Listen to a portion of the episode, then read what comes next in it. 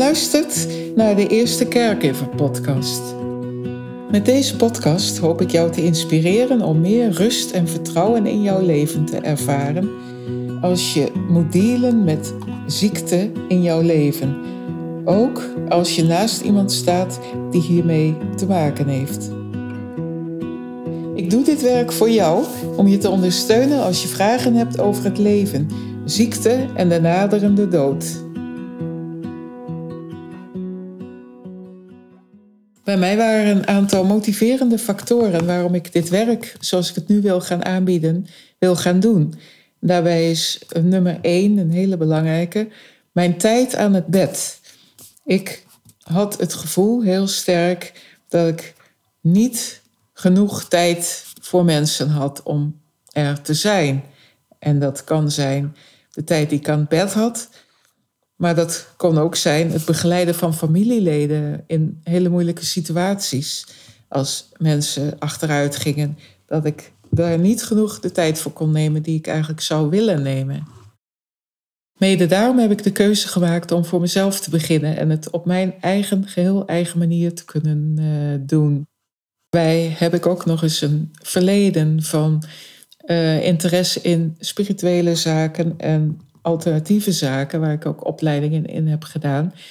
En dat kan ik op deze manier heel mooi met elkaar combineren in mijn pakket wat ik wil gaan aanbieden. Wat voor mij nu ook heel belangrijk is, is dat ik echt passende zorg kan bieden in hele persoonlijke situaties. Dat ik in kan spelen op een situatie dat ik niet aan bepaalde protocollen of rollen uh, gebonden zit dat ik echt kan bieden van wat heeft een individu, een persoon in deze situatie nu nodig. Ik ben arts, spiritueel mentor en ervaringsdeskundige. Ik ben zelf ook mantelzorger voor een gedeelte. Ik kan dus ook vanuit eigen ervaring meepraten. Maar ook vanuit mijn zeer ruime werkervaring. Ik heb jarenlang heb ik, uh, mensen begeleid in ja, einde levenssituaties. maar ook uh, met ziekte en alles daaromheen.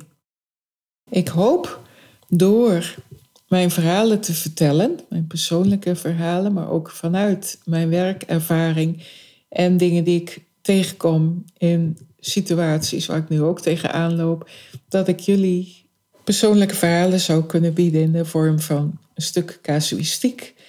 Ook gewoon de verhalen die, die ik uh, kan vertellen uit eigen ervaring. Daarnaast ben ik ook van plan een ruim aantal mensen te gaan interviewen door de tijd heen. En ik heb best wel een aantal uh, interessante ideeën voor mensen die uh, mijn pad gekruist zijn al. Dat zijn mensen die ook in mijn werkveld werken of er zijdelings mee te maken hebben. Maar het kunnen ook mensen zijn die uh, een bepaalde ziekte hebben meegemaakt of bepaalde processen zijn doorgegaan.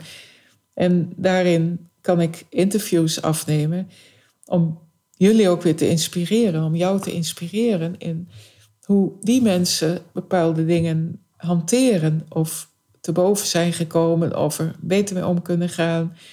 Dat kan stimulerend en inspirerend zijn voor jou in jouw situatie en je een stukje verlichting bieden. Dat lijkt me heel fijn om dat te kunnen uh, doen in deze podcast. Aan de hand van mijn verhalen en casuïstiek kun je ook zelf kijken hoe je in situaties staat en hoe je daar een visie in kunt vormen. En mogelijk kan ik jou daar een stuk in meenemen, een stuk in ondersteunen en inspireren. Mocht je dan evenwel nog behoefte hebben om met mij persoonlijk over dingen te praten, dan zijn er uiteraard ook mogelijkheden in. In deze podcast zal het vooral het delen zijn van mijn ruime ervaring en de verhalen die ik uh, kan delen.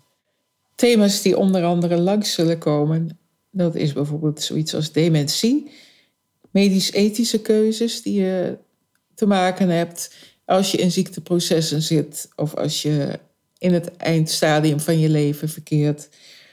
Iets als euthanasie of palliatieve terminale sedatie, dat zijn ook best wel hele belangrijke thema's waarvan niet iedereen weet wanneer je ze toe kunt passen en hoe het precies allemaal werkt, ook praktisch, maar ook met name in de afweging. Hoe ga je daarmee om? Ook hele praktische dingen zullen de revue passeren.